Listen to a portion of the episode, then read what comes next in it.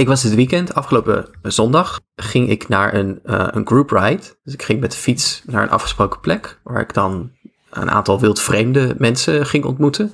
Om samen op een, uh, een fietstocht te gaan van 30 kilometer. Klinkt veilig. Ja, nee, dat is hartstikke leuk. Dus dan, dat is zeg maar via de Strava-app. dus een groep, daar kun je dan lid van worden. En dan zeggen ze, nou, we gaan hier afspreken en dan gaan we lekker op een fietstocht. Kun je de route ook alvast zien. En uh, er waren, waren met z'n achter. Um, natuurlijk netjes afstand gehouden vanwege het uh, coronagevaar. Uh, en bij de stop zat ik ook een masker op en zo. Um, en toen, dat was hartstikke leuk. En toen, um, toen ik weer thuis was en toen stond ik onder de douche om weer een beetje schoon te worden. Toen dacht ik, volgens mij is dit wel echt een van de meest Amerikaanse dingen die ik helemaal heb geïnternaliseerd als van, oh ja, dit is hoe je vrienden maakt in een stad die je niet zo goed kent. Mm -hmm. je, je, je, je probeert zeg maar via het internet wat vreemden te ontmoeten en dan hoop je dat het klikt. Mm -hmm. Of is dat ook wel iets wat mensen tegenwoordig. Maar ik wist dus niet ja. uh, voor mezelf meer of dat nou was dat ik, dat ik dan nu. Is het zesde jaar dat ik in de Verenigde Staten woon. Ik kon even voor mezelf niet bepalen of dit nou iets Amerikaans is. Of dit het gewoon iets internet is. Wat ook in. Nederland wel ongeveer zo werkt tegenwoordig. Nou, ik heb een, uh, een goede vriendin die heel goed is in het maken van vrienden. Die is onlangs verhuisd naar een nieuwe grote stad hier in Nederland. En wat die dan doet, is die gaat op cursussen. Hm. Hm. Dingen als pottenbakken of yoga. Leert ja. daar mensen kennen. En uh, gaat vervolgens wandelen of fietsen met die mensen. Ja. Misschien wel makkelijker ja. geworden in het tijdperk van het internet om mensen te ontmoeten met dezelfde hobby's en dan ja, vrienden te worden. Ik, ik, heb, ik heb ook begrepen van, uh, van sommige vrienden van mij dat ze de, de apps, de zogenoemde dating apps, ja. ook gebruiken voor, uh, voor potentiële vriendschappen. Zie je eigenlijk best wel uh, wat ik eigenlijk een beetje, ja, je ziet het veel. Ik vind het eigenlijk een beetje vaag, want ja, zo'n dating app is toch juist om een beetje die ambiguïteit weg te nemen in relaties tussen mensen. Als je weet van oké, okay, uh, we zijn hier voor iets duidelijks en dat is uh, niet vriendschap. Mm -hmm. um, maar het zou in vriendschap kunnen uitmonden. Dus ik, ik, ik, ja, ik weet niet. Ik ben niet zo'n type die uh, echt op internet op zoek gaat naar gelijkgestemden. Maar ik moet wel zeggen dat ik natuurlijk wel altijd in een bepaalde context zit, waarbij ik dus gewoon bij een universiteit in de buurt woon. Uh, en daar dus sowieso wel mensen ontmoet. Dus Jaloers. ik weet niet als ik straks het echte mensenleven inga, dat ik misschien ook uh, via de Strava-app uh, fietstochtgenoten ga zoeken. Het echte leven. Als ja. we nou een... Het echte mensenleven. Ik, ik, moest, ik moet denken aan een, aan een stuk alweer van uit 2014 van Arjen van Velen op de correspondent, dat ik destijds las. Hij was verhuisd toen naar St. Louis in de Verenigde Staten. En die zei van, waarom is er eigenlijk geen Tinder om nieuwe vrienden te maken? Waarom is er geen vrienden? Mm-hmm. nee, je gaat gewoon op Tinder en je zet in je profielomschrijving, zet je DTF, down to friend. Oké, ja, ja. Dit is een echte tip. Luister naar Dennis. Ja, dit is... Ja, het is wel weer echt de zoomer die, het, uh, die dit uh, hij, dan eventjes hij, hij maakt een grapje, toch? Laten we, laten we wel wezen. Dit is, ja, je moet het aannemen van, van iemand die echt al jaren niet meer op het Tinder heeft gezeten. En het ja, verschrikkelijk vindt daar. D2F betekent toch ook gewoon uh, let's do the naked horizontal dance. ja. Als we nu een nieuwe jingle hadden, we werken aan een nieuwe jingle, maar als we nu een nieuwe jingle hadden, dan zouden we die nu ongeveer afspelen om de overgang naar de daadwerkelijke inhoud van de aflevering een beetje te versoepelen. Mm -hmm. Maar omdat we dat niet hebben, vertel ik dit. Want uh, we gaan het dit seizoen een beetje, een beetje anders aanpakken. Dus, welkom bij het Redelijke Midden. De podcast die absoluut 100% relevant is voor een bepaalde groep journalisten, academici, lokale politici en stel IT-burnouts van boven de 25. We zien jullie. Ik ben Pim van den Berg en ik ben hier met mijn allerbeste vrienden in de hele wereld. De Otto Magnifieke Farah Bazi. Hallo. Laat millennial Dennis Jansen. Hallo. En Thijs Kleinpaste die, als hij brood kon bakken op een waterglijbaan, dat liever zou doen. Ja, absoluut. nou, welkom dus bij de start van wat wij intern het nieuwe vierde seizoen noemen. En uh, we, we gaan het dus iets anders doen. Elke aflevering halen we een hardnekkige maatschappelijke mythe aan in onze politiek of cultuur. Mythes die zo hardnekkig en alomtegenwoordig zijn dat ze de linkse verbeeldingskracht eigenlijk verstikken. We ontmaskeren de onzin achter deze mythes en zetten er een ander denkbeeld tegenover. Hoe het wel kan. Zoals we vorig jaar deden met een aflevering over het idee dat investeren in een betere toekomst te duur zou zijn. Terwijl het tegendeel het geval is. Een betere toekomst kunnen we makkelijk betalen. En die leus moeten we gewoon herhalen en herhalen en herhalen tot het gemeengoed wordt. Een betere toekomst is makkelijk te betalen. Totdat alle IT-medewerkers met een burn-out van boven de 25 overtuigd zijn dat ze voorop kunnen in de revolutie. Exact. Precies. Uh, en om af te trappen beginnen we dus met het werkelijk bizarre idee dat het nieuwe kabinet Rutte 4, bevolkt met de vampieren van Rutte 3, een linkskabinet is. Omdat er in een regeerakkoord tijdelijke magere uitgaven worden beloofd aan bepaalde sectoren. Dus kabinet Rutte 3.1 is niet links. Rutte is rechts. Rutte is rechts. Maar eerst, uh, je kunt ons dus sponsoren zodat wij dit seizoen het allerbeste ooit kunnen maken. En jullie geld gaat vooral naar ons onderhoud en dingen zoals nieuwe vormgeving en muziek. Dus ga naar petje.af slash het redelijke midden. En voor 3 euro per maand krijg je al toegang tot onze bonusafleveringen, livestreams, onze Discord vol met slechte memes en kattenplaatjes en toegang tot deze opnames waar je ook kunt meepraten en kunt zien hoe de chocola gemaakt wordt. Voor 10 euro per maand krijg je hetzelfde, niks meer behalve de titel Salon Socialist. Heerlijke titel. We hebben weer een, eh, een nieuwe. Elvira, bedankt voor de champagne. Mocht je je laatste centen aan studieschuld en huur hebben uitgegeven, dan kun je ons ook eenmalig steunen met een bedrag naar keuze. Petje.af slash het redelijke midden. En minstens zo belangrijk, vergeet ook niet je linkse vrienden, familie en collega's te vertellen over onze podcast.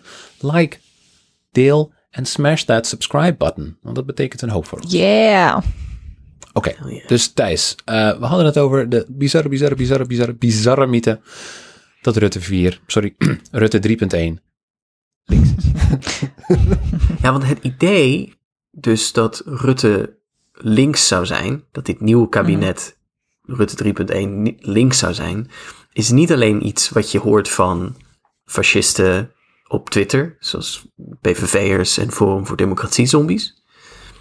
Maar je hoort het dus ook, je hoort het van journalisten die uh, zeggen, ja, het is, wat kan links nou nog doen om zich te onderscheiden? De regering voert al hun plannen uit.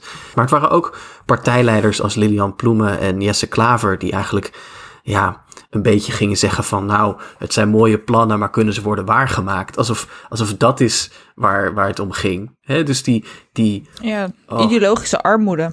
Oh, dat is het eigenlijk. Ja, totale, gewoon je doet de deur open en je ziet een lege kluis waar nog wat stof doorheen blaast. Waar ooit uh, het, het, het zilvergoed van de revolutie lag. Want uh, ja, voordat we dus over Rutte 3.1 gaan hebben. Eigenlijk geven jullie nu al aan dat links in Nederland ook al niet links is. Dus weten we überhaupt nog wat links überhaupt is? Ja, dat is dus uh, een grote vraag, denk ik, voor, voor links zelf. ik herinner me nog dat. Uh, ik herinner me nog het rapport van de Partij van de Arbeid dat vorig, vorig jaar uitkwam. Met zo'n hele vage PowerPoint-presentatie die gelekt was naar het NOS.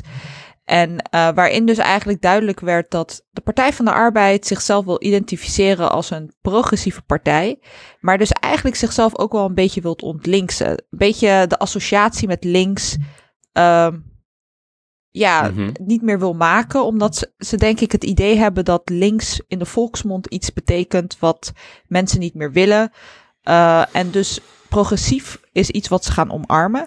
Maar het is dus ontzettend onduidelijk voor hun hoe ze dan die ideologie eigenlijk moeten benoemen en hoe ze dat moeten beschrijven. Dus dan komen mhm. ze met hele vage termen.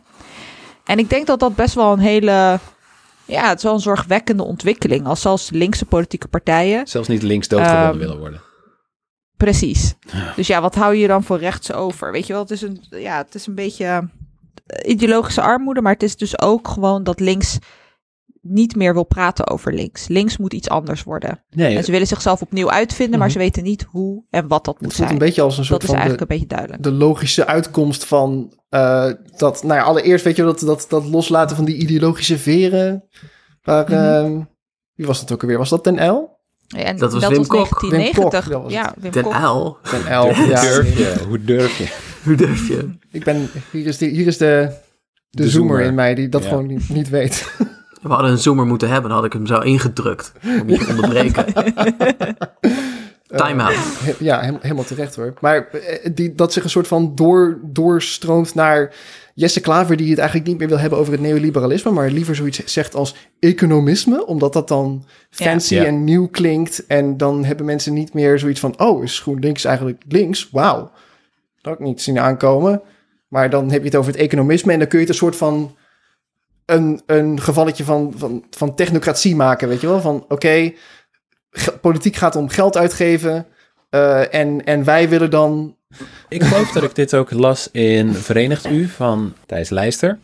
Ja. Uh, dat ook je niet echt lid meer bent van bijvoorbeeld GroenLinks, maar dat GroenLinks een more soort van gelegenheidsbeweging is. Een, een soort van leuk, mm energiek iets waar je op het oh. moment deel van kan uitmaken, omdat het even belangrijk is om progressief te zijn. Maar je, bent, je bent niet meer echt lid van de GroenLinks. Dat, is, dat is stoffig.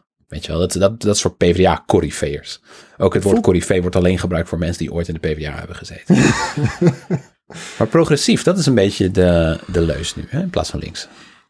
Ik haat het woord progressief zo. Het is een. Ja, ehm, eh, en volgens mij komt het woord progressief een beetje vanuit twee historische bronnen. Uh, dat wil zeggen, er is een soort verklaring waarom mensen dat woord graag gebruiken, die um, op twee steunpilaren rust. En de eerste is dat ze een opvatting hebben die in eigenlijk de opvatting is van uh, Steven Pinker en Rutger Bregman. Namelijk, mhm. vooruitgang gaat vanzelf als je maar een beetje vol goede zin bent en goede moed.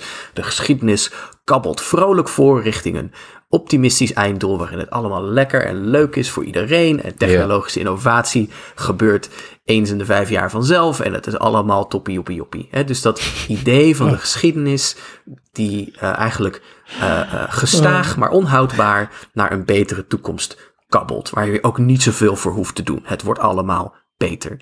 Doodzaai. Het andere is dat zodra je dan dat perspectief, dat gezichtspunt op de geschiedenis hebt omarmd als persoon, dat je dus zelf ook niet meer zoveel hoeft te doen om bij de good guys te horen. Dat is leuk. Je hoeft dus in je eigen leven eh, helemaal niet meer zoveel te veranderen. Ja, je moet natuurlijk wel op een keurig nette politieke partij stemmen en je moet af en toe zeggen, nou, hier, om dit politieke probleem maak ik mij toch ook wel ernstig zorgen.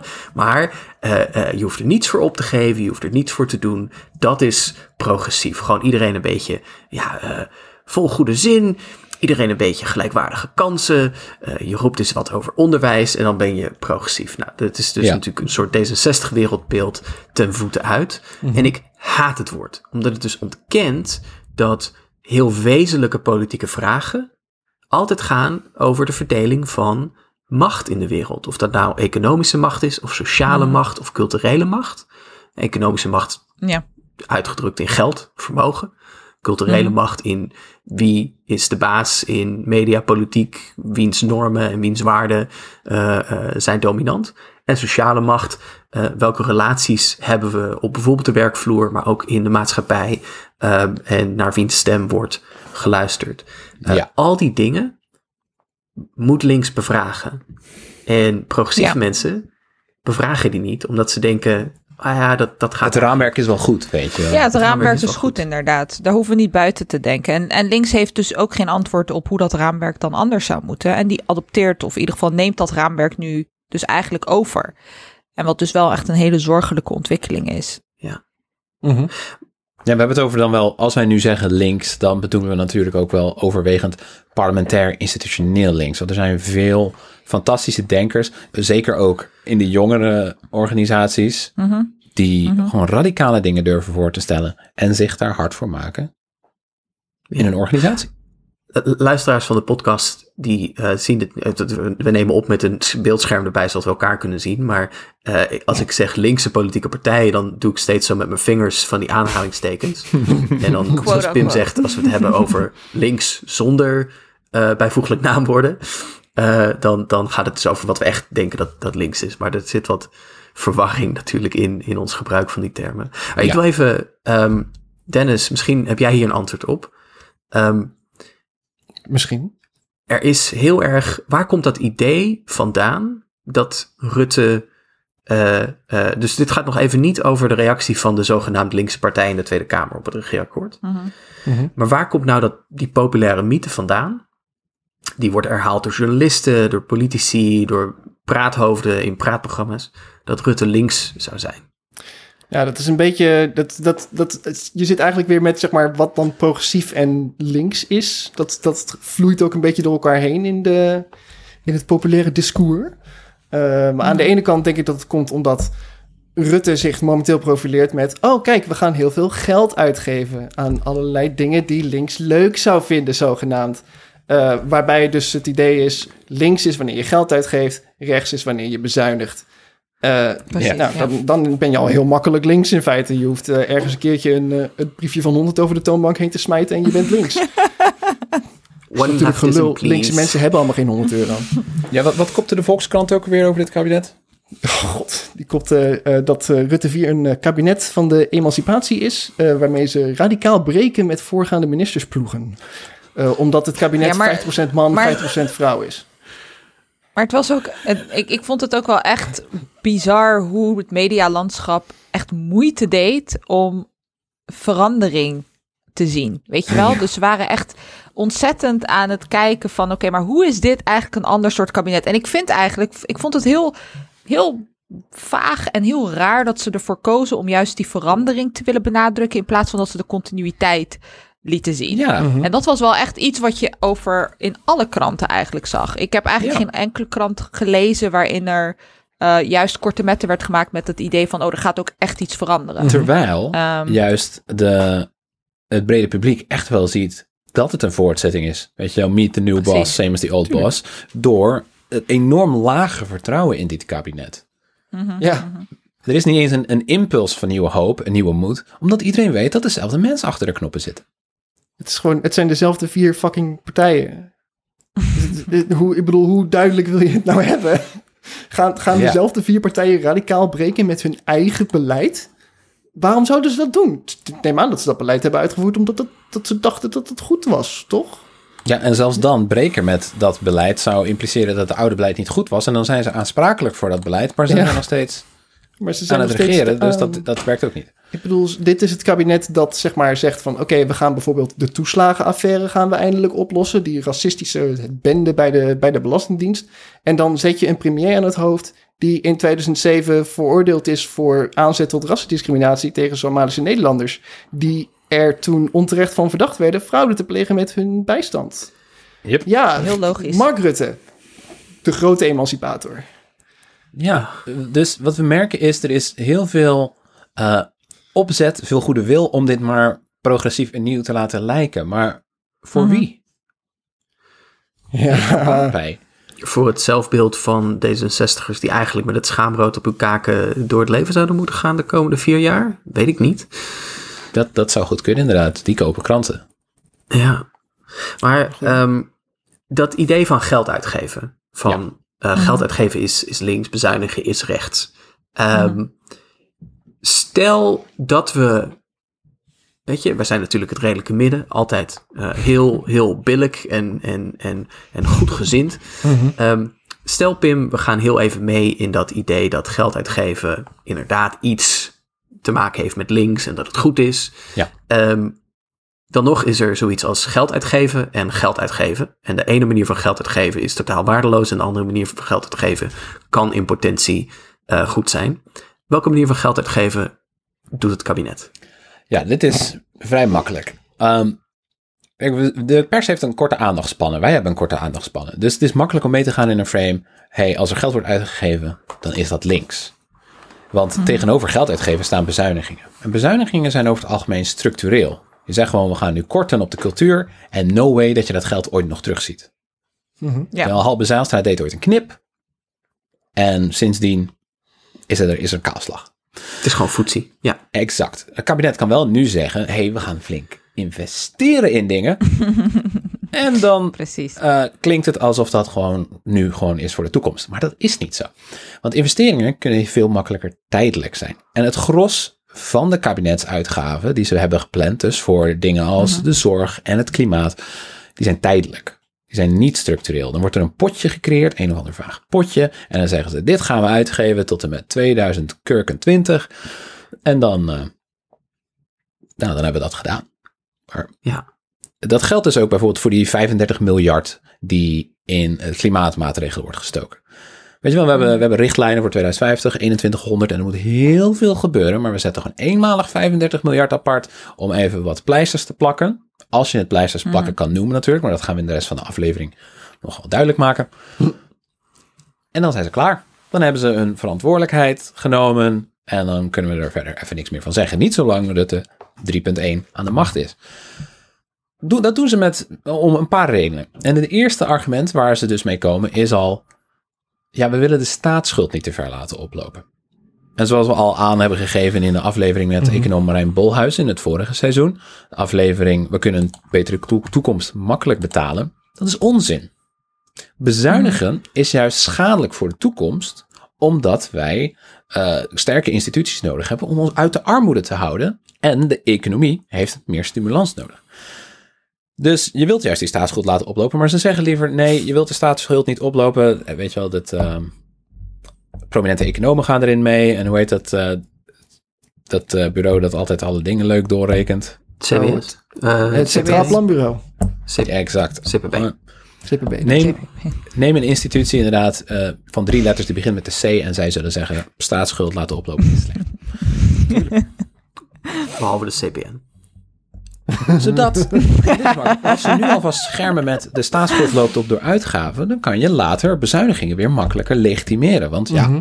we hebben uitgegeven, dus we moeten weer gaan knippen. En dat gaat des te makkelijker met eenmalige uitgaven. Als je vastlegt dat je mhm. structureel meer geld aan cultuur, meer geld aan onderwijs, aan zorg, aan het milieu, aan de infrastructuur zelfs, naast het verbreden van snelwegen, want dat gaan ze hopelijk weer niet doen dan is het zoveel makkelijker om gewoon, nadat dat geld is uitgegeven, te zeggen: ja, Oké, dat was het leuk. Ehm, jullie doen het er maar mee. Dus het wordt op meerdere manieren makkelijker, als het ware, om het later weer karig te maken. En de lasten vallen, als het ware, nu dubbel op de toekomstige generaties. Niet alleen omdat de investeringen uitblijven, maar ook, en dit is een voorspelling, omdat het makkelijker gaat worden om de staat nog verder uit te knijpen, nog meer te privatiseren.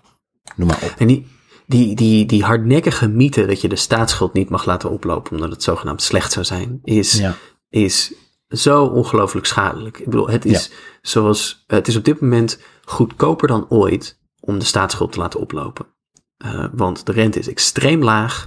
Uh, de inflatie mhm. is hoog, dus die staatsschuld die wordt ook nog eens automatisch minder waard. Mhm. nu, nu is het moment. Je kunt gewoon zeggen, weet je wat, we schelden in één klap uh, alle uh, studieschuld bijvoorbeeld kwijt. Of we uh, zetten een streep door extreme belastingsschulden die mensen zonder hun eigen schuld hebben, hebben opgelopen. We gooien een enorme stimulans in die duurzame economie. Um, je kunt allerlei dingen doen. het is nu goedkoper dan ooit om dat te doen. En in plaats daarvan blijft niet alleen het kabinet, maar er zit ook een hele babbelende klasse die de radio- en tv-programma's bevolkt uh, steeds maar te herhalen, oh ja, oei, oei, oei, de staatsschuld. Um, en het is, het is waarlijke en gevaarlijke nonsens. Ja, zoals Marijn al een paar keer heeft gezegd dus in onze podcast, bezuinigen tijdens een recessie, zeker omdat die er nu aankomt na de pandemie, onze economie mhm. heeft op allerlei manieren geleden daaronder natuurlijk, is gewoon dodelijk. Het vergroot armoede, het vergroot precariteit. Het gaat ten koste van gewoon instituties die al kwetsbaar zijn nu en alleen nog maar zwakker worden. En hebben we het over het sociaal vangnet, over het onderwijs, over de zorg. Mensen raken overwerkt, mensen raken in de burn-out, mensen raken in de armoede, mensen komen op straat terecht. Die bezuiniging is verschrikkelijk. En inflatie is natuurlijk een redelijke vrees. Maar inflatie is niet per se permanent en slecht, wat Thijs ook al aangeeft. En je zou dat kunnen compenseren door weer geld uit de economie te halen door bijvoorbeeld te belasten. En wat zouden we kunnen belasten? Nou, zelf Marijn die, die zegt bijvoorbeeld, haal het weg bij uh, winst uit vermogen. Mhm. Dus mensen die al geld hebben, kunnen daar nu voor gaan betalen. Dat zou eerlijker zijn. En zelfs uh, echt van die gevestigde orde economen waar wij niks mee kunnen, zoals Bas Jacobs, of zoals ik hem noem, Bas Nekops, uh, die is het daarmee eens. Maar dat doet het kabinet niet. Het kabinet, uh, het nieuwe kabinet, uh, uh, doet niets aan de vermogensongelijkheid in Nederland. Even, luisteraars, jullie weten dit natuurlijk, maar uh, ter herinnering. Um, Nederland is een raar land waar um, de relatieve gelijkheid in salaris, hoewel ook dat de afgelopen 10 tot 20 jaar steeds zwaarder onder druk staat. Hè, maar historisch is het altijd zo geweest dat in Nederland er um, een kleiner verschil was relatief met vergelijkbare landen in, in, in termen van hoeveel mensen verdienen. Hun salarisstrookje elke maand. Ja, de inkomensongelijkheid. Maar een extreme inkomensongelijkheid. Dus mensen zeggen wel eens van, oh, Nederland is zo'n gelijkwaardig land. Want kijk maar naar hoe ver dan uh, de hoge inkomens, uh, hoe weinig afstand er eigenlijk zit tussen, tussen een modaal inkomen en een laag inkomen, of een dubbel modaal inkomen en een laag inkomen. Uh, maar die vermogensongelijkheid, die is extreem. En die is eigenlijk vergelijkbaar met een land zoals de Verenigde Staten, wat denk ik mhm. terecht voor heel veel Europeanen een schrikbeeld is qua vermogensongelijkheid. Ja. Maar dat is, dat is de realiteit van Nederland. Waarbij het dus makkelijk de bovenste procent uh, meer vermogen heeft dan de onderste 50. Ja, ja. Uh, en, en Nederland doet dus niets, of het kabinet doet dus niets aan vermogensongelijkheid. Sterker nog, ik geloof dat de belasting op vermogen uh, een procentpunt of wat omlaag ze hadden, toch, ze hadden toch allemaal een soort van in hun partijprogramma's vooraf dat ze enorme belastingen wilden gaan heffen en dat je dan de vergelijking ziet met wat er uiteindelijk in het regeerakkoord staat. Ja, waren ze denk ik vergeten toen ze eenmaal aan de onderhandelingstafel zaten. Oei, oeps. Ja, ja D66 heeft het ook helemaal laten varen. Er is zo'n grafiek die er rond gaat op de online spheres. Uh, waarbij dus de D66 zoiets had van... ja, wij willen minstens wat 15 miljard uit uh, vermogensbelasting gaan halen. En het is uiteindelijk uh, eh, 0, geworden. Ja, ja dus, dus D66 wilde 15 miljard. CDA en VVD wilden ongeveer 4, 5 miljard. En het compromis was 0 miljard. Ja, ja. poldermodel. Ja, uh, heel, poldermodel. Heel, heel mooi poldermodel wanneer zeg maar de CEO van Shell achter de deur staat te kijken. Ja. Oh. Dat lijkt me goed naar gekeken. Dat, um, dat doet mij wel denken aan uh, oh. uh, een ander, uh, ja, een, van, een van de domeinen waar die vermogensongelijkheid in Nederland is echt woest om zich heen heeft gegrepen de afgelopen jaren. De volkshuisvesting. en ik heb uh, de volkshuisvestingparagraaf gelezen van het nieuwe regeerakkoord. Hmm. En mhm. ik moet zeggen, er zijn één of twee dingen waarvan zelfs waar, waar echt niemand in Nederland het mee oneens is, die ze dan eindelijk doen. Zoals het afschaffen van de, van de verhuurdersheffing. Mm zodat woningcorporaties eindelijk weer um, zelf kunnen gaan investeren in de kwaliteit van hun uh, uh, woningen. Ja. Um, nou ja, oké. Dat is echt het minimale. Dat doet het kabinet dan.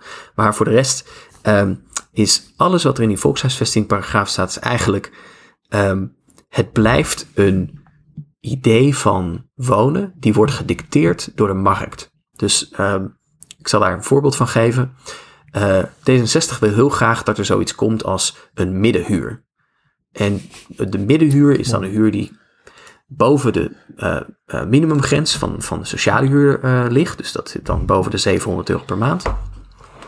En dan tot een bedrag van 1000, 1100, 1200 euro per maand. Dat zou dan een middenhuursegment moeten zijn waar je kunt, kunt wonen. Maar de gedachte die daarachter zit, is natuurlijk dat het volstrekt aanvaardbaar is dat er een hele grote hap, hè, dus dat uh, huisjesmelkers en andere vastgoed, mm ander mhm. vastgoedtuig elke maand, zonder daarvoor ook maar enige nuttige arbeid te leveren, een hele grote mhm. hap mogen nemen uit jouw salarisstrookje. En dat dat een soort aanvaardbare hap is. En sterker nog, die gedachte wordt uh, meegenomen ook naar het domein van de sociale huur. Dus een van de dingen die het kabinet wil gaan doen, is dat ze zeggen: als je nou ooit in een sociale huurwoning bent gaan wonen, en inmiddels verdien je uh, meer geld, heb je een beter salaris, dan gaan we jouw huur verhogen totdat die huur marktconform is.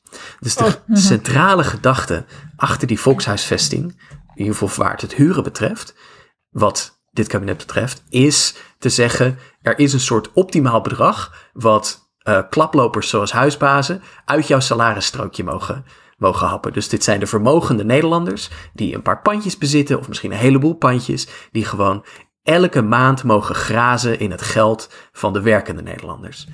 Uh, En daarvan zegt het kabinet, top, dat gaan we doen. Sterker nog, het kabinet wil ook dat als je in een sociale huurwoning woont, dat je dus nu je huis mag gaan kopen. Dus er wordt er actief woningen onttrokken aan de sociale voorraad om het te transformeren in een koophuis. Nou, dat lijkt op korte mhm. termijn goed, want daarmee heeft iemand dan nu een koophuis en die kan misschien wat vermogen gaan opbouwen.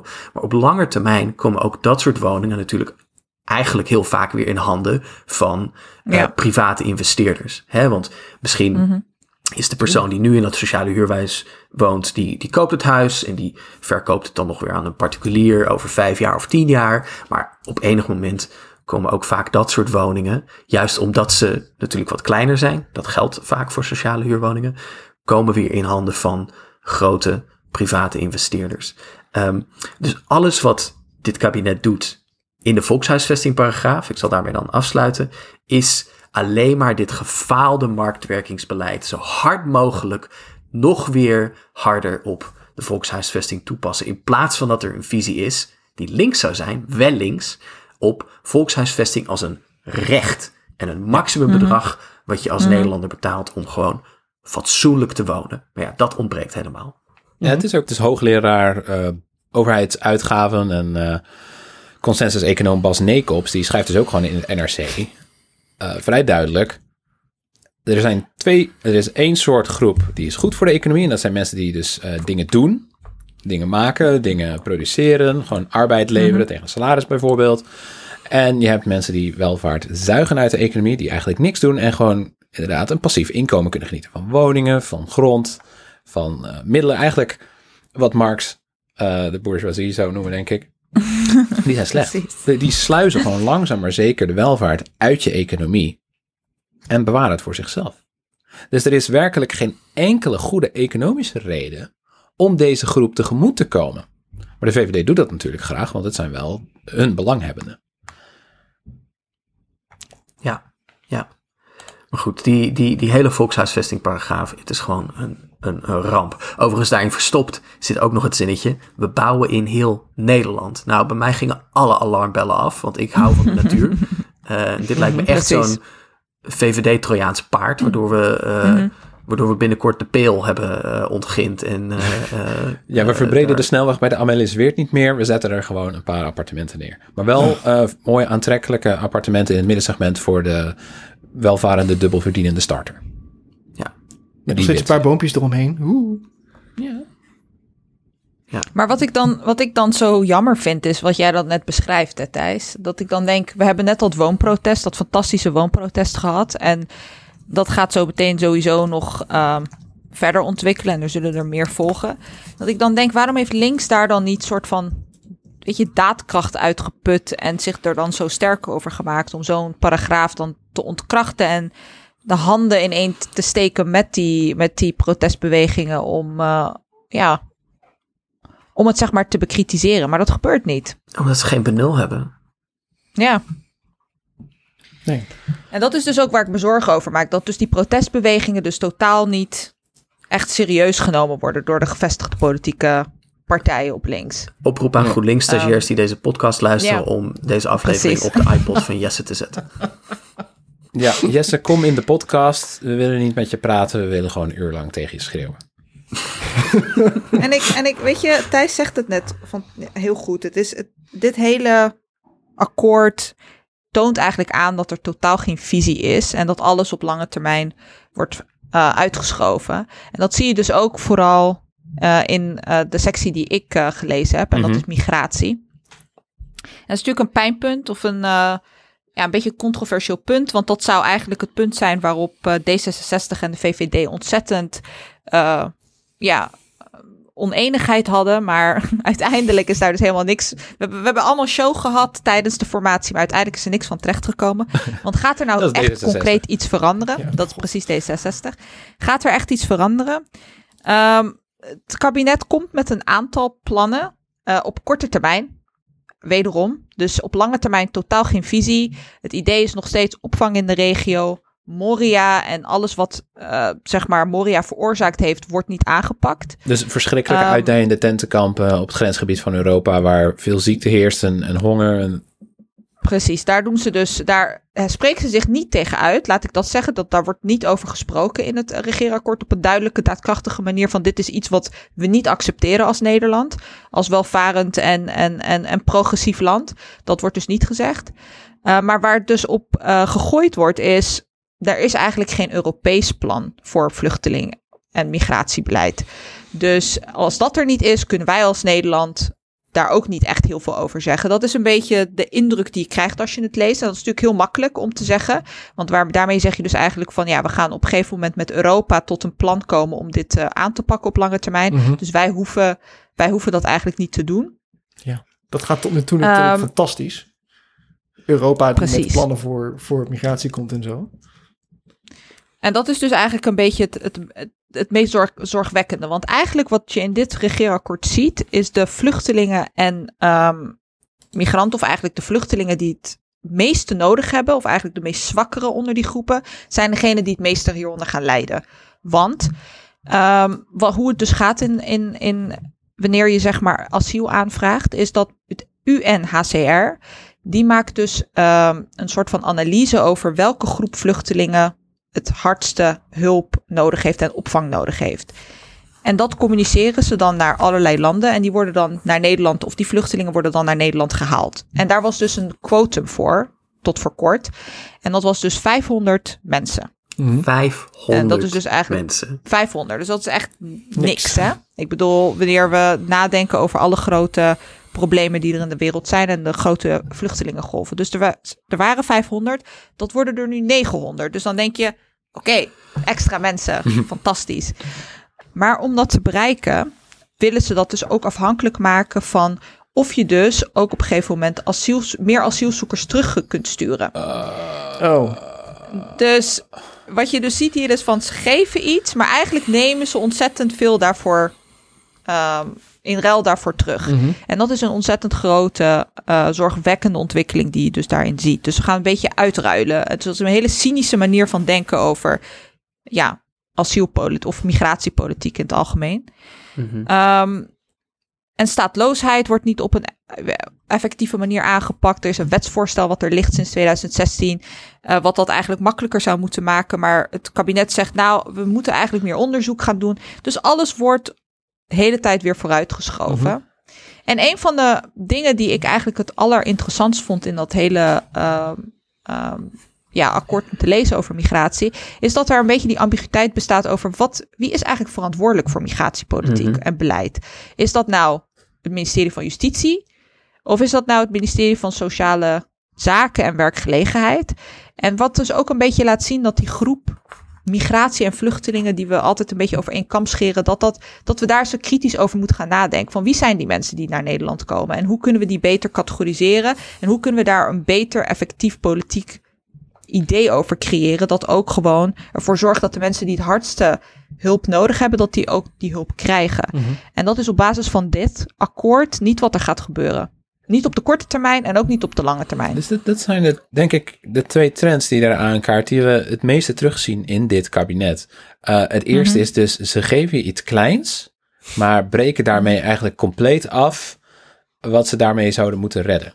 Dus bijvoorbeeld ja. bij migratie is het, oké, okay, er mogen meer mensen in, er gaan er alleen wel veel meer uit. Uh, bij de woning is dat, je krijgt misschien een, een kans om je sociale huurwoning te kopen, ten koste van zo'n beetje het aanbod van sociale huurwoningen en de garantie mm -hmm. op goede volkshuisvesting.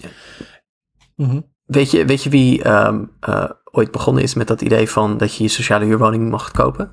Hm. Margaret Thatcher. Het is een idee oh, letterlijk ik, van ik, Margaret Thatcher. Omdat ik ken zo'n uh, verhaal, ik weet niet of het waar is, maar iemand vroeg haar ooit uh, van Thatcher, wat is je grootste succes? En toen zei zij, Blair. Tony Blair, ja, ja. ja. Maar Varen nog even, want die, wat jij beschrijft over wat de VVD, want dit is een VVD-move, hè, klassieke VVD-move, die, die, die VVD-switcheroo. shit is dit, jongen. Van, van oh ja, we, we, dus dan, dan neemt dat aantal uh, vluchtelingen dat wordt toegelaten toe van 500 naar, naar 900. Tot een druppel. Het, is, het, is, het zijn allebei beledigende aantallen. En het zijn een druppel. Precies, het is een druppel op de plaat. En dan wordt er achter de schermen wordt er dus iets afgebroken wat veel fundamenteler is. Uh, dat doet de VVD. Deze move doen ze al jaren. Want dit was ook het geval toen rond. Um, uh, we weten nog Tim Hofman, die bij Klaas Dijkhoff stond, toenmalig VVD-fractievoorzitter ja. met uh, het jongetje Nemmer, acht jaar. Ehm, daar was toen heel veel over te doen in, in de media. Nou, uiteindelijk um, wordt er dan een soort politieke deal gesloten. Inderdaad, we gaan vaker met onze hart, hand over het hart strijken. In het geval van, ik geloof dat er 50 van die echt heel, heel schrijnende situaties waren. Uh, maar dan krijgt de VVD terug dat er achter de schermen een, een heel fundamentele wet of regelgeving wordt gewijzigd. Waardoor het veel makkelijker wordt om veel, veel harder uh, migratiebeleid te voeren. Uh, en daar is dan heel weinig aandacht voor. En dan gaat D66 lekker voor de tv-camera's doen alsof ze uh, een groot succes hebben geboekt. Maar onder, ondertussen verslechtert het allemaal. Ja. ja. ja. wat, je, wat je ook ziet is dus dat ze zeggen van... ja, er gaat dan meer geld naar de, uh, naar de Immigratie- en Naturalisatiedienst, IND... en uh, Centraal Gaan Opvang Asielzoekers, de COA. Uh, en dan denk je, ja, dat is goed, want weet je, die, de, er is ook ontzettend grote druk en, en het moet allemaal wat soepeler lopen, et cetera. Maar wat, wat ze daar dan ook weer niet in duidelijk maken is van hoe die macht dan verdeeld wordt. Wat de bevoegdheden van dat soort organisaties gaan zijn. Ja. En om mhm. echt over je hart te kunnen strijken, moet je dat natuurlijk vooral kunnen doen op ja, regeringsniveau of op, op gemeentelijk niveau, et cetera. En dat wordt allemaal een beetje in het midden gelaten van wie gaat hoe gaan we dit nou echt precies aanpakken? En wie krijgt eigenlijk de macht in dit proces? Um, en er is nog één ander best wel zorgelijke ontwikkeling. En dat is eigenlijk de criminalisatie van uh, vluchtelingen. Wat je dus ook weer duidelijk terugziet in dit uh, regeerakkoord. Want wat, het zo meteen, uh, wat er zo meteen gaat gebeuren of kunnen gebeuren, is dat asielzoekers die zijn afgewezen, dus ook opgepakt mogen worden straks. Oh ja. dus als ze niet weggaan. Um, en of dat nou echt ervoor gaat zorgen dat die mensen ook daadwerkelijk terugkeren. De criminalisatie van vluchtelingen zal op korte en lange termijn er niet voor zorgen dat er minder mensen naar Nederland komen. En ook niet dat het beleid, zeg maar, um, uh, zal gaan veranderen. Dus het, het, zijn gewoon echt verschrikkelijke maten. Hoe meer ik erover nadenk, hoe bizarrer het klinkt. En dat ik denk van, hoe kunnen we dit in godsnaam links noemen? Ja, ik denk dat... Uh dat het duidelijk is. We, we zeiden aan het begin, ja, links is misschien ideeën moe, of mensen weten misschien niet zo goed wat links is nu. En met links bedoel ik dus nep links. Um, maar rechts heeft ook geen ideeën. Wat zij eigenlijk mhm. doen is alleen maar consequent die afbraak en het dus het vooruitschuiven van verantwoordelijkheden onder ja, gewoon een, een paar racistische buzzwords. Mhm. Mhm. Dus we veroordelen een hele groep mensen, de armen, mensen van kleur, uh, vrouwen, sekswerkers, de LHBTIQ-gemeenschap, die krijgen weinig institutionele bijval. En verder is het alleen maar afbraak, afbraak, afbraak. Verder zet rechts er niks tegenover. Ik, ik denk dat Rutte naadloos in dit plaatje past, Rutte 3.1. Het, het, is een, het, is een, het is een voortzetting van het oude beleid met een nieuw likje verf en tot overmaat van ramp zeggen de partijen in de Tweede Kamer, die dan zogenaamd links zouden zijn, GroenLinks, PvdA, uh, uh, zeggen in hun eerste reactie: Oh, wat een mooi likje verf. En het is om werkelijk waar je hoofd bij te verliezen van, van, van verdriet. En ze kunnen het ook gewoon nog steeds niet. Ze hadden toch die, die, die appgroep gemaakt of zo, de. de oh, ja, ja, ja, de... en, die, en dat ze gewoon niet eens tot een soort van samenhangend tegen antwoord kunnen komen of zo met elkaar. Sowieso waren dat natuurlijk niet alleen maar, dat waren dan, dat waren dan GroenLinks, de SP en PvdA. De SP was er al sowieso een beetje met tegenzin. En, maar dan hadden ze ook Pieter Ontzicht erbij en Lianne de Haan. Ja, ja, en, ze, ja, en Laurens Dassen van Volt. Uh, ja. En ze hadden Linian Marijnissen van de Socialisten Zuiveringspartij. Uh, die uh, ook nog dus niets had gezegd in de appgroep, maar wel via een woordvoerder liet weten dat de SP liever niets, niet uh, te veel in de linkse appgroep zat. Want op het gebied van verduurzaming van de economie en migratie zijn ze geen linkse partij. Het is echt. en daar ben ik het ja. hardgrondig mee eens dat ze dat inderdaad nou, niet zijn. Ja, ja maar dan zie je dus, linkse partijen die proberen dus een compromis te sluiten tussen uh, we willen gewoon neoliberaal zijn, maar af en toe een beetje progressief voorkomen. En we willen gewoon neoliberaal zijn en meeregeren.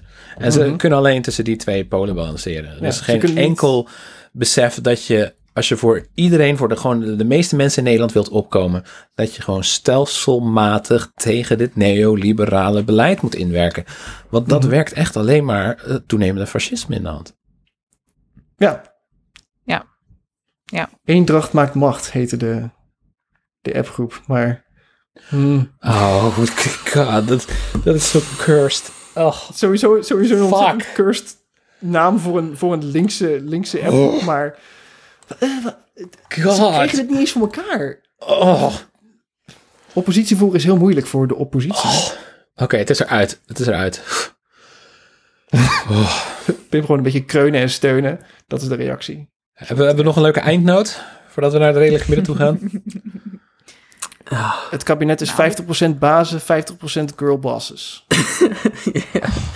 ja. Nou ja, blijf, blijf opletten, luisteraars, ook naar wat er vooral dus niet in het regeerakkoord staat. Hè? Dus um, uh, ja, ik wierp ook nog even een blik op de, op de Schiphol-paragraaf bijvoorbeeld. En dan, weet je, uh, dit kabinet en, en de partijen in de Tweede Kamer die ervoor verantwoordelijk zijn, die hebben heel veel, heel veel met heel veel bombarie zo gezegd van nou, het is op hoofdlijnen en we gaan heel veel met de Kamer ook in overleg, want we willen de relatie met de Kamer herstellen en we willen het allemaal over op uh, de belangrijke dingen, er worden echt beslissingen genomen. En dan kijk je even naar Schiphol en dan staat er heel volg taalgebruik van, oh ja, er moet een visie komen op wat de toekomst van Schiphol is, waarbij rekening wordt gehouden met alle belangen en dat je elk echt gewoon, je ziet de vollige taal die daar is neergezet.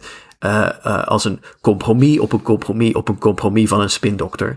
Uh, dus, dus dat wat er niet in het regeerakkoord staat, is eigenlijk net zo belangrijk als, al, als alle, alle dramatische dingen die er wel in staan. Dus nou ja, nou ja, wij, wij, ja. wij zijn in ieder geval dankbaar aan dit kabinet dat we nog een toekomst hebben.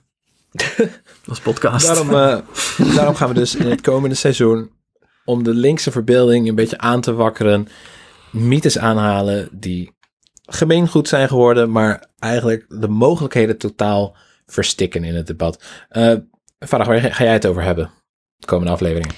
In de komende afleveringen ga ik het hebben over het onderwerp waar ik ook in deze aflevering over gesproken heb, en dat is migratie. We gaan nadenken over wat is een humaan migratiebeleid voor Europa, maar we gaan ook nadenken over hoe er over in, door afgelopen jaren over migratie gesproken is en hoe problematisch dat ook is en hoe we dat op een andere manier zouden kunnen doen. Yeah. Dennis, wat jij? Uh, nou ja, ik wil me.